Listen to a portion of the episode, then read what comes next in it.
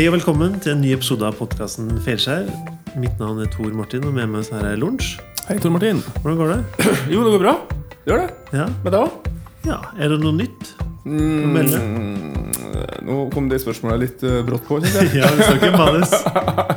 Så manus. Har vi manus? Nei, noe nytt? Nei. Livet går fint som vanlig, det. Ja. Til deg òg? Ja, det gjør egentlig det også. Ja. Vi har jo med oss eh, Snorre Busch, som er produsenten. Styrer teknikken, sørger for at vi har lyd. Det er fint. Hva handler denne podkasten om? Det heter jo Feilskjær. Kunsten å tryne med stil. Det kan godt hende at vi skal endre litt på ordet tryne i dag. Mhm. Men hva, hvorfor har vi egentlig satt ut og prate med masse forskjellige folk om sine feilskjær? Mm, Senk skuldrene. Det å leke litt mer. Det å hele tida følelsen av at en må prestere så høyt hele tida, gjør at en eh, når på et tidspunkt har det bikka over fra det å være eh, flink til å være besatt, nesten. Så det å få senka skuldrene litt, leke litt mer, så omdefinere hva det nye flink er. Og i dag så er vi jo nok en gang heldige at vi slipper å prate om det sjæl. For vi har fått med oss ei som heter for Silje Solberg. Endelig så får vi noen med gudbrandsdalsdialekt. Hun er fra det Otta. Og hun har bodd i Oslo, i Trondheim. Hun bor i Trondheim nå, i Hanover og München. Hun er utdanna tømrer, og hun har fullført master i arkitektur. Hun har jobba tre år med forskning på bærekraft og brukerinvolvering. Og så er jeg en av tre stykker som har grunda Ducky, og det skal vi også få lov til å prate mye om. For Ducky er nemlig et sted som har jobba mye med å teste og feile. Og det er jo litt den her å Egentlig det vi holder på med. Altså gjøre feil og lære om det, og så iterere og bli flinkere. Det her gleder jeg meg til. Men Så bra. Skal vi bare sette i gang? Yes.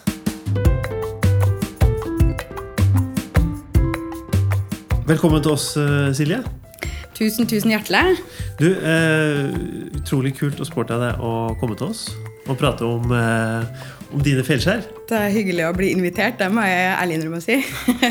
Eh, For de som eh, ikke er kjent med deg, eh, kan du bare plassere deg litt på kartet? Sånn, hvem, hvem er du, og hva gjør du akkurat nå? Ja, du tok jo en liten introduksjon da, med liksom, hva jeg har gjort så langt. Ja. Jeg kommer fra Otta i Gudbrandsdalen, men jeg føler jo at jeg er litt sånn trønder nå. Da. Jeg har bodd i Trondheim i, siden 2006. Em, hvem jeg er? Det er jo et godt spørsmål. Tømrer. Liksom- Ja, tømrer i bunn. Og det er jo absolutt meg på å definere meg. Jeg elsker å skape ting. Så det om det handler om å liksom bygge noe nytt, eller om det er baking, sying eh, Ja, det det det måtte være. Eh, Så gir det energi. Er du da den i eh, heimen som måte den som fikser ting? Um, både, både ja og nei. Jeg er veldig pådriver for å få ting gjort. Og det tror jeg handler om at jeg har en, en veldig stor um, gjennomføringskraft, liksom en driv, da, til å liksom komme videre. Så uh, jeg og min mann uh, utfyller hverandre med å balansere litt. Men Er det da Liksom. mye sånn spesiallagde møbler, eller er det Ja. Det høres jo veldig kult ut, da. I tillegg til å være arkitekt, så, så klarer han da å kanskje lande på noe som, som ser bra ut i tillegg. Ja. Og så har jeg jo en mann som er industridesigner, så vi har masse gode diskusjoner på, på det ene og det andre. Alt fra liksom overordna nivå ned til detalj på Det høres ut som en god, god miks, egentlig. Tidvis kan det bli litt lange diskusjoner, men det, det er bra. Vi, vi spurte om du ville komme og prate med oss om dine feilskjær. Hva, hva tenkte du når du fikk liksom den forespørselen? Ja, det første tenkte jeg jo at det har jeg lyst til å gjøre, for det mener jeg er så viktig å prate om. Ja. Men når det begynte å gå litt mer inn på hva, ja, hva har jeg gjort, og sånn, så begynte jeg å tenke hm, ja, tja har, jeg noe spennende å fortelle? Men eh, jeg mener jo at dette er sånn, det er en sånn grunnleggende part av oss som mennesker, og vi bør absolutt liksom eh, ta det mer inn i oss. Ja. Eh, Så derfor så tenker jeg at det her, det her blir bra. Ja, men Så kult. Hvordan Jeg har jo fått en mail fra deg hvor vi har prøvd å liksom prøve å finne ut hva vi skal prate om i dag. Og der er det jo gjerne egentlig å starte med hvordan man definerer altså, Hva er et feilskjær? Hva, hva, hvordan ville du ha definert eh, hva, hva ligger i eh, ordet feilskjærer eh, hos deg? Nei, når du spurte deg eh, rundt der hva, eh, hvilke feilskjær har du gjort, og sånn, så jeg, må jeg på en måte gå tilbake til hva legger du i det da, med feilskjær. Eh, for jeg tenker det er litt vanskelig å egentlig komme fram til, til gode svar på det, med mindre du faktisk har reflektert litt over begrepet. Eh, og så, så vet jeg at du dro fram det her med tabbe og det å gå på trynet. Så da tror jeg smatta litt på de her ordene. Og, og jeg, jeg merker at de tankene som kommer opp, er jo at at det er veldig grunnleggende i oss mennesker. Altså, man kan jo si at Nå er jo oss eneveldende liksom, rase, og så er jo helt, eh, helt over alle andre raser i verden. Og det, det, tenker jeg jo har med at oss mennesker, eller de som har gått videre, da, har, har feila og lært. Og på en måte på grunn av det da har ha kommet videre og liksom utforska og dermed liksom eh, ja, tatt, tatt, over steg for steg. da. Um, så jeg tror kanskje for meg så i stedet for at en skal kalle det feilskjær liksom, i, i, sånn negativ forstand, så handler det om, om lærdom. Ja. Altså at en tør å feile, gjør at du òg faktisk lærer noe. Eh, og Må man feile for å lære? Eller uh, For noen har vi jo snakka med som sier at du trenger ikke oppsøke feil. Eh, ja, det er fordi, i. Ja. For det er jo litt dumt. Men det kanskje viktigste er bare når det først skjer, da, at du klarer å definere en eller annen lærdom i det. Men det er jo eh, det er jo som du sier, at det å tryne er kanskje ikke helt riktig ordet. Fordi det virker litt sånn absolutt, mens det å feile høres litt bedre ut. Ja, eh, men jeg tror det er liksom at de henger sammen. da. At, eh, at det å feile fører til noe som du da kan ta med deg videre. Um, Mm. Men vi ser jo mer og mer i samtalene at det handler jo ikke om det å altså Feilskjæret er jo ikke det å feile. Feilskjæret er det å ikke tørre å feile. Da biter det feilskjær. Han går ikke på trynet så lenge han uh... Sitter stille i båten. Ja. Nei, det er det jeg tenker. At hvis du ikke har, har feila, så har du heller ikke gjort noe. Uh, og det er noe med at uh, oss mennesker formes jo ut ifra det vi har gjort gjennom livet. Og jeg tror nok at Egentlig tilbake til spørsmålet ditt, Tor Martin. at at du Ja, du bør ikke nødvendigvis oppsøke det, eh, men hvis du ikke Åh, nå mista jeg tråden. men hva med konsekvensene av det? Um, av det å Er du god på å redusere konsekvensene av feilskjær når du er i det? på en måte? Er du god til å sette det i et sånt større perspektiv?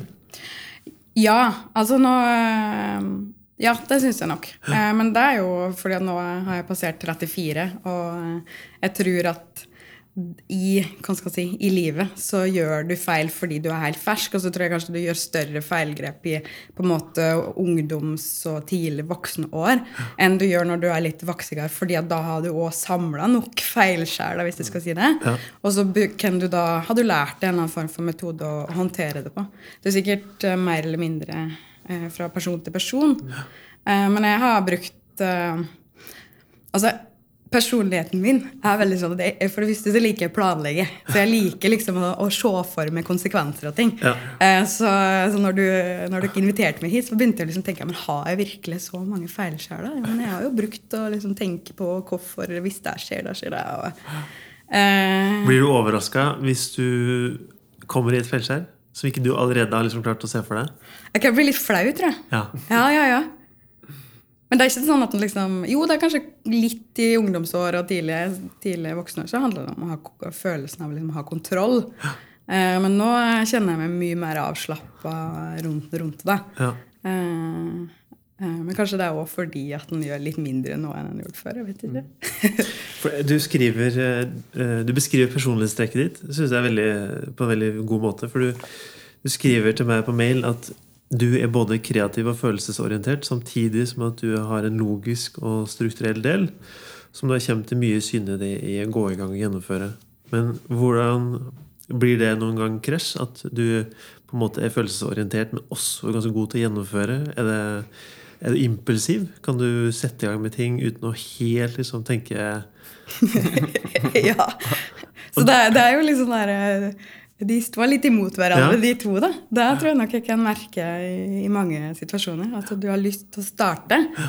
Eh, så den kreative biten er virkelig liksom eh, eh, en igangsetter. Eh, uten å, og så har du den logiske som kanskje tenker vent litt nå, så kanskje du skal se litt mer på hvordan det her kan det gjøres på en bedre måte. Eh, så de har balansert inn han, da. Eh, Men da må du sette men Er det en sånn type da som liker å sette i gang, og så begynne å lage struktur på det? Eller liker du å ha strukturen på plass før du setter i gang? Ja, nå er jeg nok blitt mye bedre på, eller like mye bedre å ha litt mer metode Ja. når jeg setter i gang med prosjekt, om det er liksom private eller på jobb. Og, og veldig mye mer på jobb. Fordi nå begynner også å bli såpass mange flere på jobb at nå, nå skal flere involveres, og da må du, eh, må du gjøre det på en litt bedre måte. konsekvensen av at den tar litt feil retning, er litt større? Sånn bedriftsmessig nå? Ja. Ja, ja, det er det. Hvordan har du da vært i feilskjær som det har vært vanskelig å bevege seg ut av? Sånn at du har satt i gang med noe som kanskje du har, uh, har troa på, og så er det kanskje noe inne som sier at ja, det her eh, gikk vel kanskje ikke helt, men så driver man liksom og etterrasjonaliserer det og fortsatt står i det. For jeg, jeg, grunnen til at jeg spør, er at jeg kjenner meg igjen i personlighetstrekket ditt. da At Ja. du halvparten er kreativt, og så er halvparten er liksom, litt sånn logisk og ønsker å gjennomføre. Ja. Og da noen ganger så sparker man i gang ting uten å helt tenke det ferdig. Men så har man ikke lyst til å stoppe det heller. Fordi det kan jo gå hvis du holder på lenge nok. Ja, ja. Er det, har du, kjenner du deg igjen der? At det er ting som kan være vanskelig å avslutte? Ja, jeg merka det. At eh, særlig det her med Jeg har en ganske eh, god utholdenhet. Eh, men det kommer jo til et punkt der du kanskje blir, kan bli litt sliten oppi det. Ja. Så ja, det gjør jeg jo. Men så prøv, Jeg tror det der er en av de tingene jeg prøver å jobbe, jobbe med, men som jeg kanskje ikke helt klarer å få til. Det er liksom det her å si, si nei eller bremse litt. Fordi det er jo så mange ting som er, er løyle, da.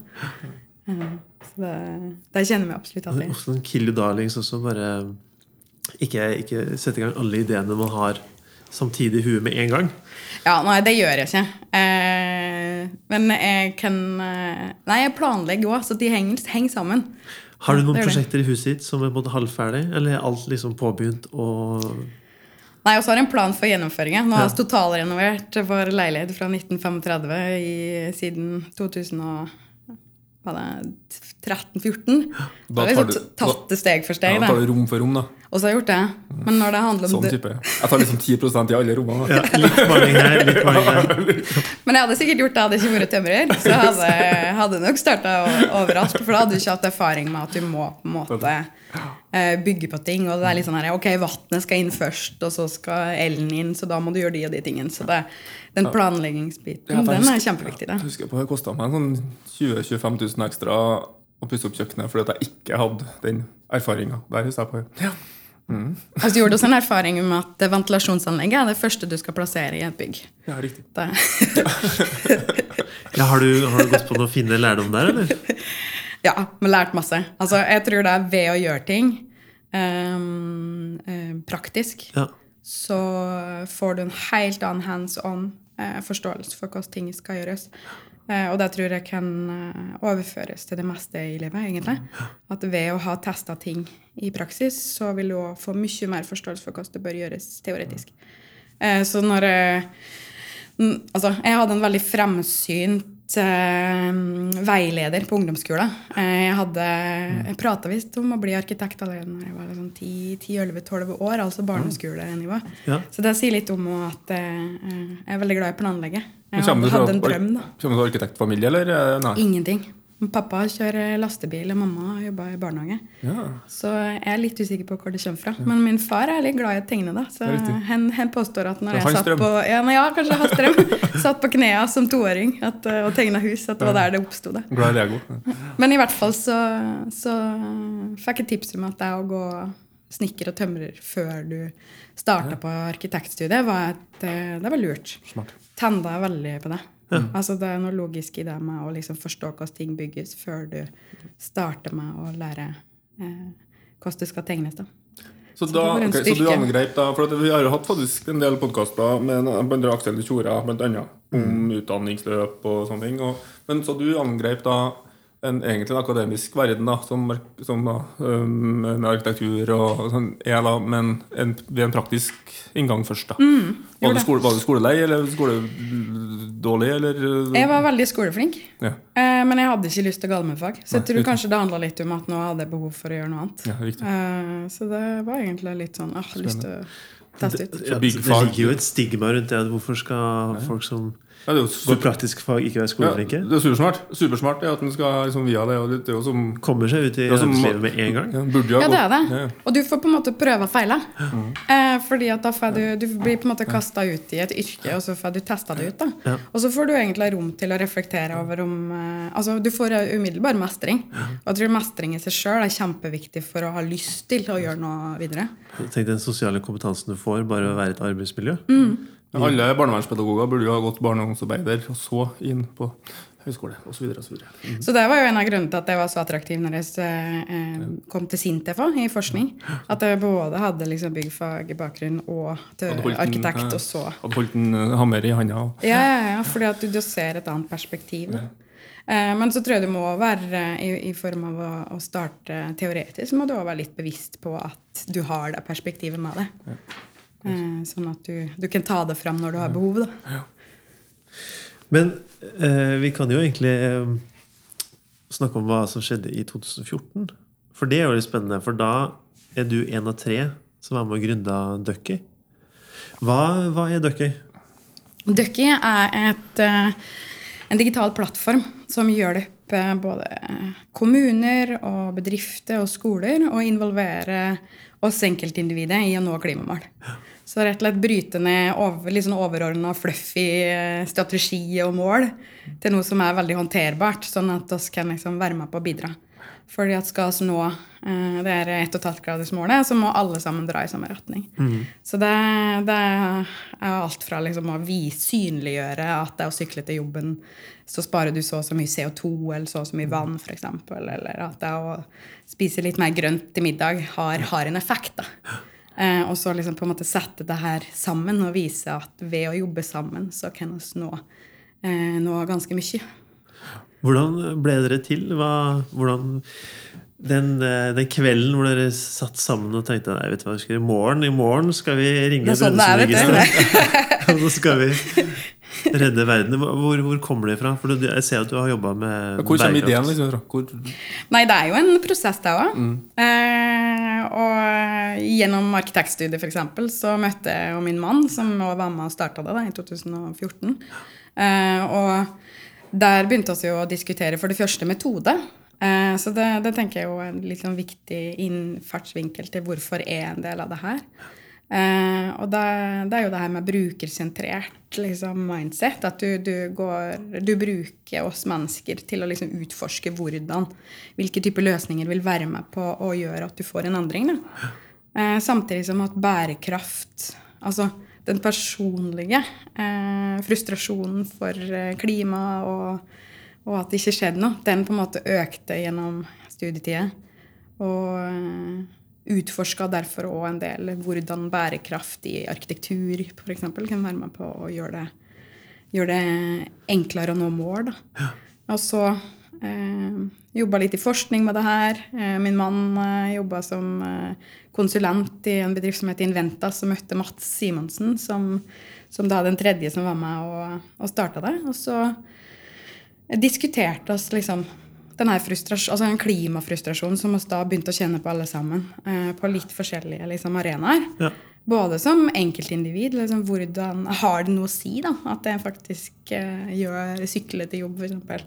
Begynte å stille de spørsmålene. Og liksom her, hvilke typer produkter skal jeg kjøpe for at det ikke er eh, et problem for, eh, for min egen helse, for miljøet, for bærekraften. Og så var det liksom ekstremt vanskelig å finne manøvrere som, eh, som forbruker.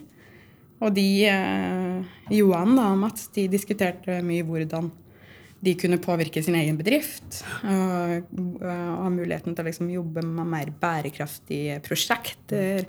Og liksom der, og Går det an å si nei til kunder som liksom opplagt har en, en, en dårlig påvirkning på, på verden? Da. Og merka det at der var, det var veldig vanskelig å komme gjennom. Ja. Så, så i, i de her erfaringene så, så begynte det liksom å forme seg en eller annen form for liksom, Ja, men det må jo gå an å gjøre noe.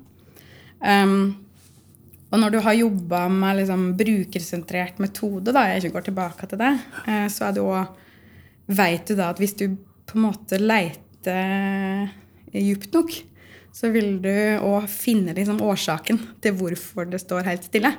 Altså hvorfor politikeren på det tidspunktet liksom virkelig venta på velgeren, og velgeren venta på politikere og industri, og det var liksom en sånn herre Ja, et stillestående Det, det skjedde ingenting, da. Så Ja, hvor- ja, Hvorfor gjorde de ikke det? Um, Eller hva, har dere har, dere, Hvilken innsikt er dere klart å dra ut av det? Var det Nei, jeg så jo det at eh, det er et problem at politikere skal gjenvelges f.eks. hvert fjerde år. Eh, og at eh, ikke det blant de enkeltindivider var fokus nok på, på det her med bærekraft. Så det er ikke Og klima, klimautfordringen. De har ikke føltes nok relevant, f.eks. Eh, og der er det jo måten det er kommunisert på, at oss som enkeltindivider har ikke egentlig noe eh, mulighet til å bidra. Så det må ligger på politikere, det ligger på industri og næringsliv. Da. Eh, og derfor så blir nå litt sånn apatisk og ikke føler at en kan, kan gjøre noe. Eh, men så lærte vi òg i, i det startpunktet, eh, den kvelden, da, som dere sier Nei da. Eh, at, at på NTNU så satt de og beregna klimadata fra et individperspektiv. Altså forbrukerperspektiv, som da hadde muligheten til, for første gang egentlig i historien, å tallfeste hva det vil si å sykle til og fra jobb. Hva vil du spare ved å gjøre dusje litt kort, kortere, slå av lys, eh, bytte fra dieselbil til elbil, f.eks. Eh, og i det krysningspunktet så så vi at ok, her kan det være et eller annet som du kan bygge videre på. Fordi egentlig oss har behov for en eller annen form for feedback på det oss, eh, det oss gjør da, i hverdagen, for å liksom føle at det har, har noe å si. Nå har jo dere blitt fem år. Og her, her må det jo være noen feilskjær underveis. Altså Det er jo et ganske nytt produkt, nytt verktøy, ny måte å kommunisere det på. Hva, hvilke feilskjær møtte dere på underveis? Hvis du skal dra fram eh, de største. De største. Ja, det første som slår meg nå, er jo at uh, oss søkte på sånn her eh, start uh, NTNU startkapitalsøknad. og skulle liksom vinne 500 000 for å komme i gang, husker jeg, februar 2014. Husker Mats var helt overbevist om at den der forretningsplanen vi hadde skrevet, den var helt fantastisk, og vi kom til å vinne det her. Det gjorde vi da ikke. Så det, det var liksom eh, Fikk liksom nyansert litt forventningen i det å starte bedrift. da. Ja, fordi, fordi den var bare i Holdt ikke mål, eller? Nei, herregud. altså, ingen av oss har starta bedrift før. Nei. Ingen av oss har en eller annen form for eh, startup-kompetanse eller finanskompetanse, skrive i forretningsplan. Så, så det, det tok litt tid. Så så har ikke jeg hatt på en måte Fra starten så har jeg ikke liksom hovedfokuset vært liksom på hvordan skal det her bli med drift. Mer fokus på formålet. Altså hvorfor skal vi lage en løsning? Eh, og det tror jeg kanskje òg har vært en styrke, fordi det gjør at, du også, at oss har, har nok tatt litt andre veier og reflektert underveis. Det er sikkert dere starta her hvis dere hadde Visst hvor fryktelig vanskelig det var å søke penger? Nei, det- er bra. jeg har nei, for voksenverden eh, måtte forholde seg plutselig Det var ikke for fem år siden. Så var jo ingen som forsto en forretningsmodell som å skulle ta vare på verden. på en måte Nei, triple bottom line, altså det å, å jeg si, likestille de, de tre, er er på en måte ikke før nå at det har begynt å bli en, en selvfølge. Og jeg husker òg at det var en endring liksom etter ja, Parisavtalen. For bærekraft var jo på en måte når eneste fokuset var vekst. Og økonomisk vekst. I alle forretningsplanene, egentlig i alle skolemodellene. Men nå har jo bærekraft på hvert fall blitt en part i dette her. Om det veies 10% eller om det veies 50 det er nå opp til hver enkelt. Men det, er hvert fall, det har blitt en part. Ja, på en måte. Ja. Så det går stegvis i riktig retning. da. Ja. Spørsmålet er om det går fort nok. Ja. Ja. Ja, ikke sant? ja, det er Andre ting, da? Det må jo være ganske rått å sette i gang og skulle starte en bedrift når man ikke har liksom gjort det før. Hva er, hva er noe annet det du sitter igjen og har lært av de første fem åra? Nei, en hadde jo gjort ting annerledes, da. Eh, Så det er jo, det er jo kanskje en bra eh, refleksjon. At den, hvis den skulle gjort det en gang til, så hadde den gjort ting annerledes. For det betyr jo at den har lært, lært litt. Ja. Eh, Men samtidig, når oss starta Ducky, så Altså, en må ta med deg at når du Du kan starte en bedrift og lage et produkt eller en tjeneste som allerede eksisterer, og så kan du ta på en måte det, og så kan du finjustere det. Og så kan du eh, gå inn i et etablert marked, og så kan du prøve å på en måte ta markedsandeler. som dette. Eh, I vårt tilfelle så eksisterte det mer eller mindre ingen løsning som på en måte adresserte utfordringen med å engasjere oss individer i det her, og ikke minst hvordan få på en måte aktør, mange, eller alle aktører til å jobbe i samme retning. Eh, derfor så var er jo på en måte den metoden vi har brukt med å prøve og feile. da, Jeg skal kunne prate litt mer om det senere. Eh, tror jeg har vært helt livsnødvendig for at oss nå i dag har, et, eh, har en tjeneste som, som eh, fungerer. Ja. Vi kan godt prate om det nå, altså, i forhold Ja. til hvordan du har bygd kultur i dere for å tillate feil. da. Eller det liksom å lage en metodikk av det, faktisk. Ja, jeg tror, jeg tror kanskje i starten så har ikke det vært så bevisst, men etter hvert som vi har jobba Altså så hatt med oss den her brukersentrerte metoden, da, som er, er et tankesett. Altså at du, du må på en måte eh, Du har noen hypoteser, og så lager du noen løsninger på det, og så må du ut og teste det på reelle brukere. For å få, eh, få tilbakemelding på om dette her har eh, Om oss er på rett vei. Og det har vi gjort hele veien. Eh, fra oss eh, før vi starta bedrift. Var med på Startup i Viken i 2014 på Diggs. Til, til i, den dag i dag. Eh, nå raffinerer oss jo konseptet mye mer, men da var det mer på, på hovedkonseptnivå. Em, og det, den metoden har jo da tatt oss til eh, Altså den har jo, har jo på en måte blitt til underveis. At en ser da at dette her er en god, god måte å jobbe på. Eh, og så har vi vært veldig bevisst fra starten at, eh, at det å jobbe tverrfaglig er viktig. At en ikke bare er designere eller bare utviklere, f.eks., men at du har med ulike perspektiv da, inn i, i teamet. Eh, og det, det tror jeg også er veldig viktig for at en skal skal kunne klare å komme fram til noe som er så utfordrende da, eh, som den, den problemstillingen vi blitt dypdykka inn i. Hva er, hva er vanskelig med å måtte få hele gjengen til å jobbe sånn?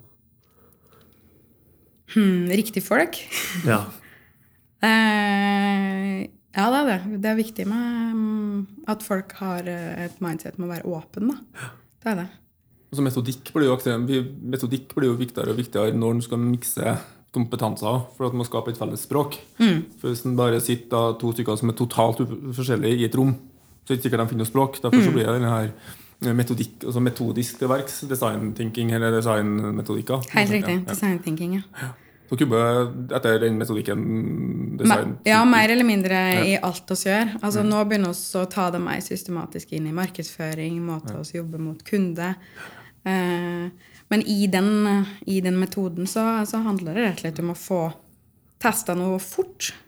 Og, og, og der òg eh, kjenner jeg litt på personlig på at det har vært en utfordring å liksom få testa ting som ikke er liksom bra. 100% helt ja, det føles, det føles litt vondt. Eh, men når du vet at dette her er den viktigste måten du kan klare å få feedback, sånn at du kan komme fortere fram, så, så er det òg noe du på en måte bare må gjøre nok ganger da, før du bryter litt den der terskelen for at det gjør vondt. da. Men Har dere kjent noe på det overfor eh, potensielle kunder og samarbeidspartnere? at for Tradisjonelt sett så kan jo noen oppfatte sånne som bedrifter som dere, som nå kommer pekefingeren. Hvordan har dere på en måte angrepet For det er jo metodikk og brukerinvolvering og prøving og feiling kanskje noe av den viktigste måten å vise at det ikke er så pekefinger likevel. Her er et verktøy. en måte. Har dere Jeg syns også jeg har vært veldig heldig med å ha ganske store aktører, eh, bedrifter og kunder, da, Ja. som har tort å være pilotkundene våre eh, og testa ut, eh, testa ut ting. Eh, Ikea kom jo til oss i 2016 og kjørte Start hjemme-kampanjen, som, som da var liksom de er, jo, de er jo en av de mest fremoverlente bedriftene i verden når det kommer til bærekraft. Så det å få lov til å jobbe med en sånn aktør eh, i pilotfase er kjempeløyelig. Eh, og da ville de gjerne ta liksom, den eh, eh, rollen at de, de kunne vise sine kunder hva du kan gjøre for å nå bærekraft. Eh, og liksom innafor husets fire, husets fire vegger, da. Eh, Nei, da har vært åpne med, med de kundene som har hatt, på at det, det her gjør oss liksom for første gang. Dette her er veldig banebrytende. Eh, og så er nødt til å jobbe metodisk, og så er nødt til å lære. Har det alltid vært enkelt?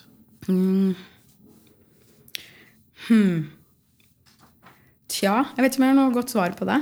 Eh, kanskje liksom det syns litt mer i ettertid enn det Det er første gangen Det til kundene ofte òg.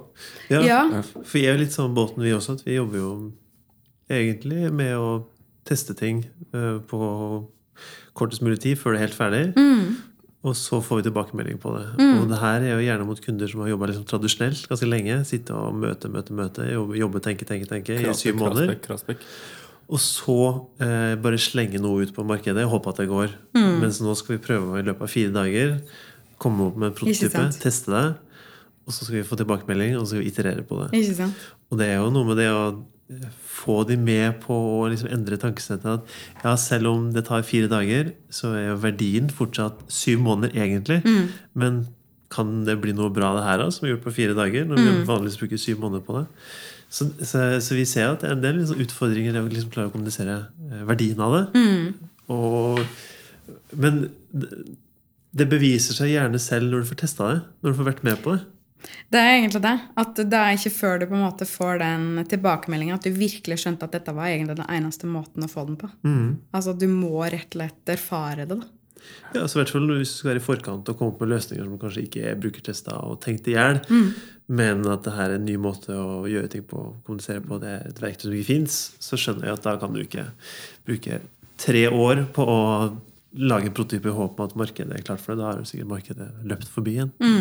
Er, er dere veldig raske i dere? Eh, oss eh, har vært eh, mye, mye bedre på å prøve å få ned eh, tiden fra oss har en idé eller en, en endring der på bordet, til å teste det. Um, så ja, det Ja, vi jobber, jobber ganske kjapt. Det Ja. gjør oss. Ja, hvor mange nå, forresten? Nå er vi eh, 16 stykker. Så mange, da. Mm, så to, to i England, to i Oslo, og så er resten her i Kjøpmannsgata Ja. i Trondheim. Så gøy. Så det, det er òg en annen ting. Det liksom det å vokse Ja. i det å bygge kultur. Det er ganske det En må på en måte jobbe, jobbe en del med hvordan en får, får eh, overført da, Mm. en, eh, den videre til, eh, til de nye som kommer. Ja, så er sikkert en, dere har jo sikkert en magnet mange, at det er mange som vil jobbe til, til dere. I hvert fall i den bransjen. Så er det noe med å sile hvem som passer i deg i team. Ja, det, det har vi faktisk. Og det føler, en føler seg jo veldig privilegert når det, du altså får kanskje ukentlig eh, e-poster fra folk som har lyst til å bidra på en eller annen måte. Og flere av våre medarbeidere har, eh, har jo da kommet til fordi de virkelig ser at eh, jeg må gjøre noe med klimakrisa. Mm. for det er det eneste som gjør, har verdi. Eh, kan jeg få lov til å komme og bidra gratis hos dere eksempel, i starten, og så ser han at de har en kjempekompetanse. Og så har de etter hvert blitt en del av teamet. da. Men nå har vi gått over til å rekruttere litt mer, litt mer profesjonelt for å prøve å få, få opp eh, kompetansen på f.eks. UX-design. Og vi eh, holder på å ansette noen på klimadata som har, eh, har den, eh, den kompetansen i bunnen og kan være med å liksom bygge opp kompetansenivået vårt. Da. Det var spennende. Ja, for at jeg jo hvor viktig det er å ha en Skal vi komme langt, det er min holdning at skal vi komme langt og lenger og fort fram i, med bærekraftsmålene våre, så må vi jo forstå eksisterende forretningsmodeller. Så vi må ikke bare, ja, så helt felles, så, for Jeg husker jo, jeg jobba med noe konsern noen gang der at, altså både innen innovasjon og bærekraft. Når det kommer startup sånn, som skal komme med et produkt og hjelpe konsernet, så detter gjennom at ikke forståelsen av dagens retningsstruktur handler jo ikke om at den ikke, kanskje ikke vil endre seg. Men det går ikke an å ta steget fra der vi er i dag, til det ønska med den løsninga her. for. Så det er også, derfor så blir metodikk og workshoper jobbe sammen for å forstå, for å implementere gradvis. Ja. Ja, det er helt essensielt. Det er det. Og det har også vært, vært bra heldige med å ha fått god støtte fra Innovasjon Norge til å utforske en del Riktig. i starten. da. Så, så da fikk oss, eh, oss fikk blant annet midler til å kunne kjøre en hel rekke workshops eh, med liksom beslutningstakere i store bedrifter i Norge. for å liksom undersøke hva er det som står i veien for at de jobber med bærekraft på et litt mer sånn systematisk nivå. Og hvor er det på en måte vår tjeneste egentlig kan, kan på en måte hjelpe, passe inn da, i å, å, hjelpe dem til å gjøre det her. Trigge liksom, igangsettelse og sånn. Så handler det om en hel struktur. For eksempel, sånn, hvis et stort selskap skal begynne å si vi bruker nå alle sponsormidlene våre på bærekraftige tiltak, og hvis vi da ikke er bærekraftige sjøl så, så, da detter det sammen. Så, det er, så det er akkurat den her, for jeg, kan, jeg tør jo ikke engang å si uh, snakke høyt om bærekraft alltid, for jeg er jo ikke i hverdagen sjøl heller, så jeg er så redd for å bli tatt. Mm. Så det er som helt sånn grunnlag. Så jeg liker veldig godt at dere jobber sånn metodisk med alle plattformer, alle arenaene. Ja. Og da har vi jo sett at dette der er en grunnleggende utfordring blant alle. Fordi at det, det, har på en måte blitt kommunisert at det er enten-eller. Ja. Og så må vi på en måte komme dit som samfunn at vi applauderer de små stegene. Fordi innovasjon skjer ikke liksom i ett stort hopp. Det skjer i små iterasjoner. da. Um, Spennende. Jeg skal være litt tilbake til det med å bygge kultur for å gjøre feil igjen. For hvordan gjør dere det konkret at når det kommer nye folk til dere, hvordan får de innblikk at her er det lov å gjøre feil? Grunnen til at jeg spør, er for det er noe vi også prøver å bli gode på. ikke sant? Mm. Men hvordan Det er en ting at man har en metode som, som er bygga for å gjøre feil, men har dere noen annen måte liksom, å liksom onboarde det på? Ja. Sier dere på en spesiell måte at her, her, skal alle få lov til å gjøre feil, eller hvordan? Nei, Jeg tror jo mer på det å vise, da. Ja. Uh, så oss har fra starten av vært veldig bevisst på hvilken type bedrift vi ønsket å skape. Ja. Uh, så oss har um, testa ut en organisasjonsmodell som er sjølorganiserte team. Altså der du da skal som individ komme inn og ta med hele det på jobb. Og være med på å bruke på en måte hele kompetansen din. Eh, så den, eh, den, tufter på ei, ei bok om liksom hvordan en, ja, en, bok som heter 'Reinventing Organizations'. Mm. Så de forsker en del på det på NTNU òg nå. Hvordan kan du på en måte styrke Eh, den indre motivasjonen i eh, arbeidstakere mm. for å, for å liksom jobbe enda mer effektivt mot et mål. Da. Så det her har jeg så jobba liksom parallelt med.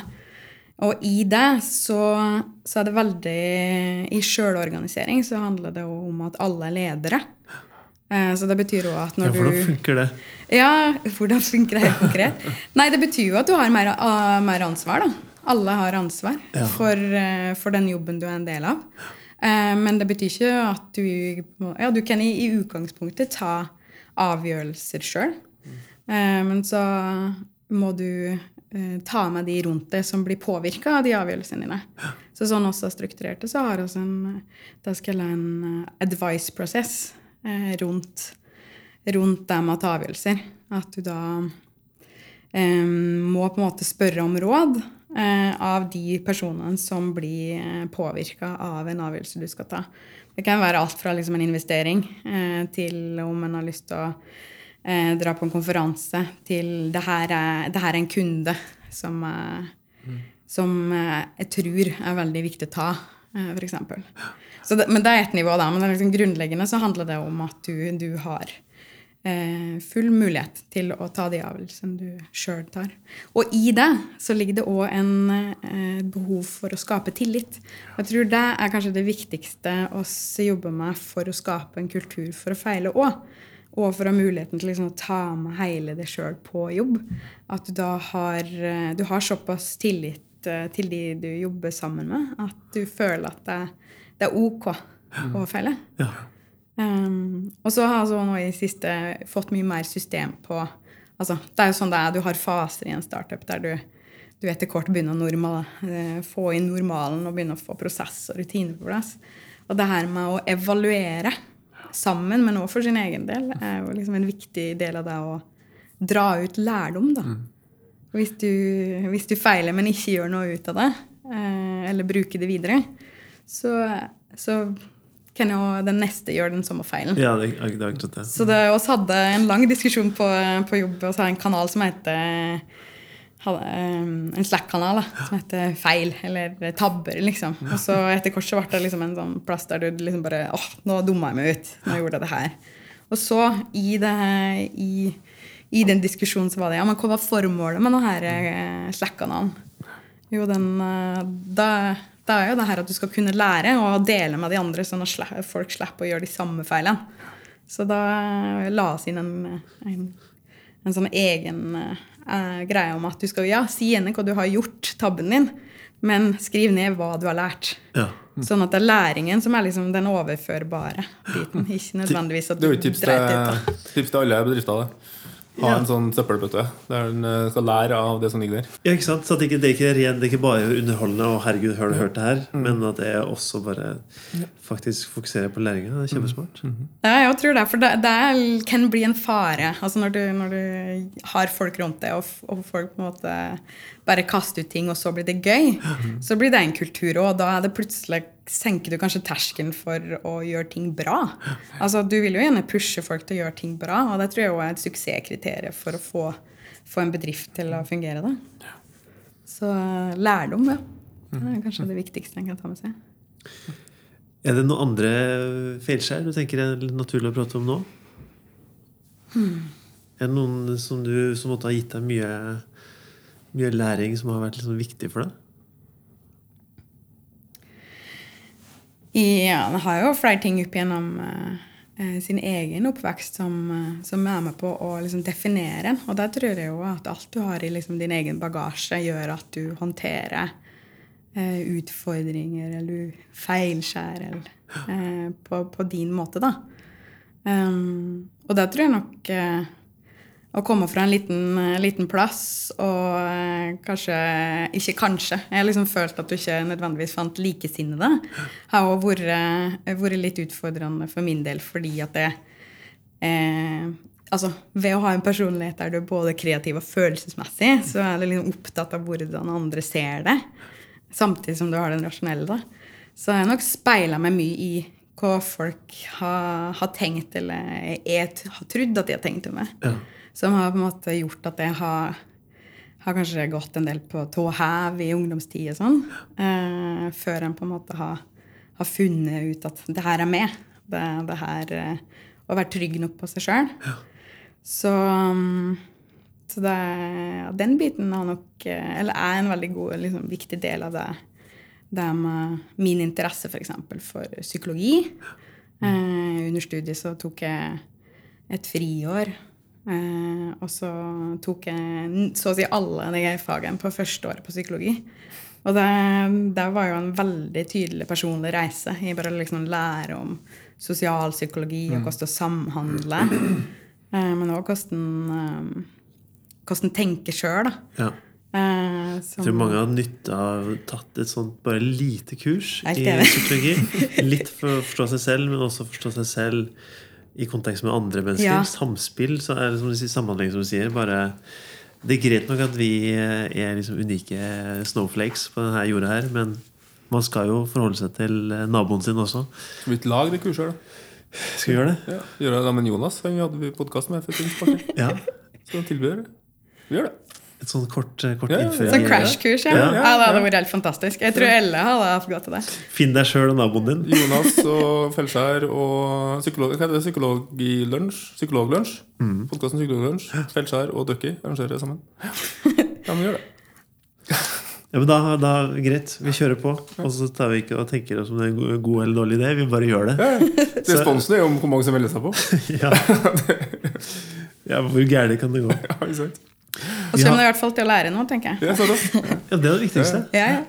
Vi avslutter gjerne med et eh, spørsmål som vi stiller til alle sammen. Og det er jo hva er som er ditt neste potensielle feilskjær? Hva, hva er det for noe?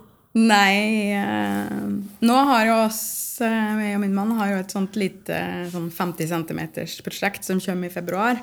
Som eh, med beiner og arm og kanskje kommer til å skrike litt. Oi, så, altså, gøy.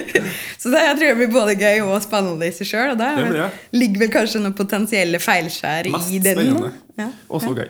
Ja. Det er det første, eller? det er det. Gratulerer. Så Så, så aner jo ikke hva som går til. Så det, det blir spennende. Kanskje vi må bruke litt metodikk der òg. Men da har dere ferdiglagd eh, barnerommet, eller? Nei. Nei. Nei. Hold litt på akkurat nå. Må vente til brukeren kommer. Ja. Brukertesting. Stemmer det. Prototypene. det var sånn det var, ja. Nei, så jeg tror det, Der er det jo noen interessante feilskjær som sikkert kommer. Så får vi håpe at de er mindre enn eh, store. da. De kommer sikkert til å sitte til februar og planlegge. ja. Lunsj, Ja. har du lyst til å, å gi oss en oppsummering på hva, hva, hva har du lært? Du, eh, først så var jeg jo veldig Jeg var jo veldig nysgjerrig på Ducky. Eh, fordi at det har vært noen sånne eh, greier eh, på sida her eh, i mange år. Eh, metoden er hovedsakelig og bekreftelsen på det med metodisk jobbing i forhold til eh, altså, ja, design thinking, og, men å lage tilliten, som Silje sier så fint, da, i forhold til at det er lov. Og, og så, uten at jeg sa det høyt, men det med at teamet alltid backer, at teamet alltid er med. Eh, det er jo kanskje noe av det viktigste vi har opplevd. Det at det, altså, som jeg hørte her og nå, at det er jo ikke målet å feile, men at du vet hvis du feiler, så er vi, backer vi det. Vi som teamet er på en måte Og at det ligger tillit til å ta egne avgjørelser, tror jeg er noe av det viktigste. i det der. Og så syns jeg det er veldig spennende, for um, det er jo ikke så mange bedrifter alltid som kommer med et produkt som, òg kommer med en pekefinger. Kan kunden, her, brukeren og kunden oppfatte det som. Så det er også enda viktigere det der med å gå inn med å prøve og feile sammen. Fordi at det er første gangen nå til kunden, første gangen nå til brukeren, det er første gangen til IKEA, det er første gangen til kundene osv. Så, videre, så, videre. så, det, så vi bare bekrefter bare enda mer hvor viktig det er å jobbe metodisk. Ikke med å gå på trynet, men med det å si at nå skal vi prøve ting sammen. Ja, så fellesskapsfølelsen er jo kanskje den viktigste av alt her. Det er at du, ja. Så godt, syns jeg. Ja. Så fikk jeg jo lyst til å så gå inn på nettsida og se om det går an å melde seg som frivillig. Yes! Da har vi kommet til en del som heter avskjedsgave, og da spør vi gjesten hva er det som har gjort deg glad denne uka.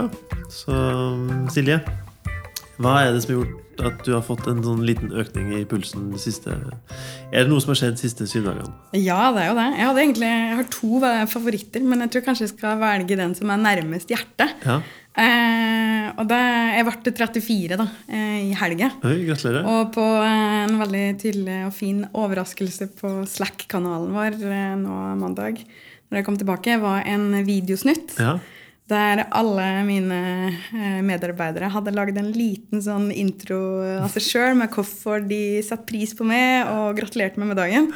Og da må jeg bare si at tåren eh, datt ganske tidlig, så det var utrolig hyggelig. Eh, og det sier litt om terskelen for å liksom dele i, i Ducky. Så jeg følte meg både stolt og ja, jeg elsket hvordan sine. Ja. ja, vet du hva, jeg, jeg fikk faktisk se den filmen i går, Ja. og den var kjempefin. ja, det var helt utrolig. Og det tenker jeg, Hvorfor gjør ikke flere folk det? Det er jo bare å samle folka og få dem til å sende en liten film og bare si hvorfor vedkommende er viktig.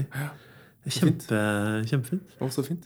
Og I en hverdag som er ganske travel, så merker jeg det at det, å få en sånn stå-opp-stopp eh, og, og Ja. få den feedbacken da, som eh, Ikke vent til begravelsen Nei. med alle de komplimentene. Så jeg tror det er avskjedsgaven min. eh, Gi, gi det komplimentet med en gang. Ja. Og hvorfor du mener folk ja, påvirker det positivt. For eksempel.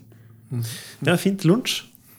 Uh, Bursdagsrelatert til meg òg. Hadde jo 40-årsdag for uh, noen uker siden. Da. Det første det var noen veldig fin opplevelse sammen. Men han, min sønn har hatt bursdag eh, med meg hver dag siden. på en måte Og det hver dag.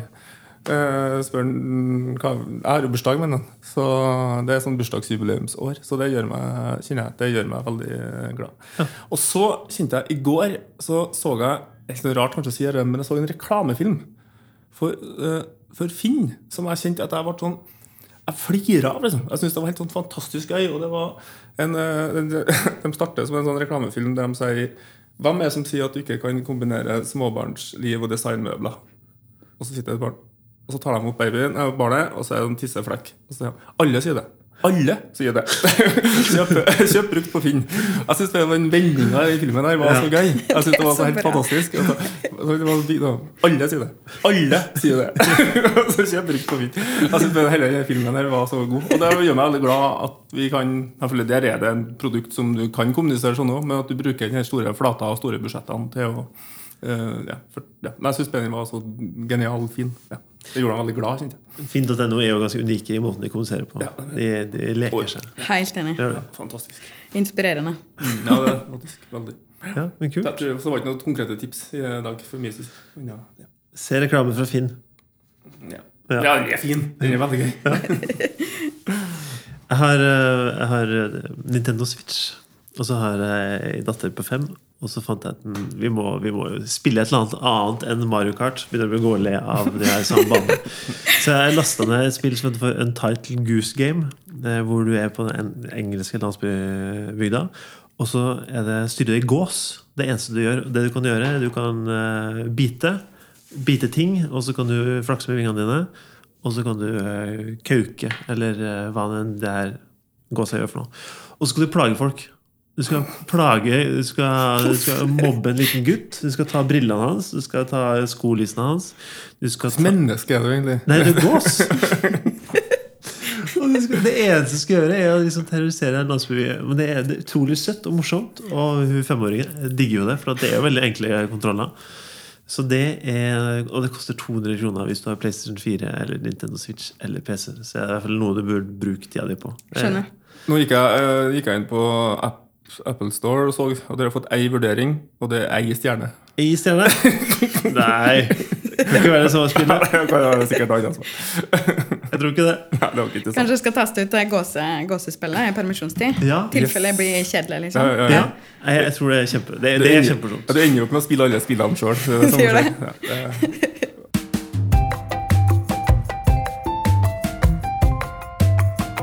Tusen takk til eh, alle de som har hørt på så langt. Og nok en gang eh, takk til deg, Silje, for at du ville komme og prate med oss.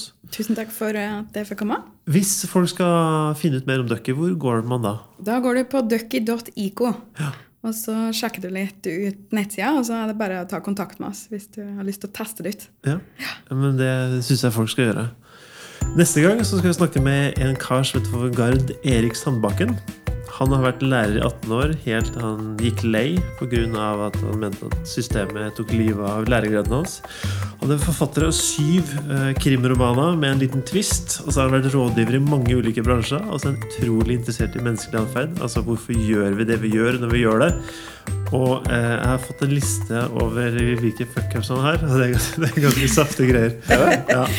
Så, det, så det blir morsomt. det er gøy. Og hvis du som hører på har en historie eller ønsker eh, og kanskje tipse oss om hvem vi bør prate med, så ta kontakt med oss på feilskjær.uredd.no eller på Facebook og Instagram. Og gi oss gjerne en rating eller legge igjen en kommentar på hva du tenker om episoden der hvor du hører på oss. Gjerne iTunes, for da blir vi lettere for andre å finne. Podkasten er produsert av Uredd og Lysbord Media og kommer ut hver mandag. Takk for i dag. Ha det! Ha det!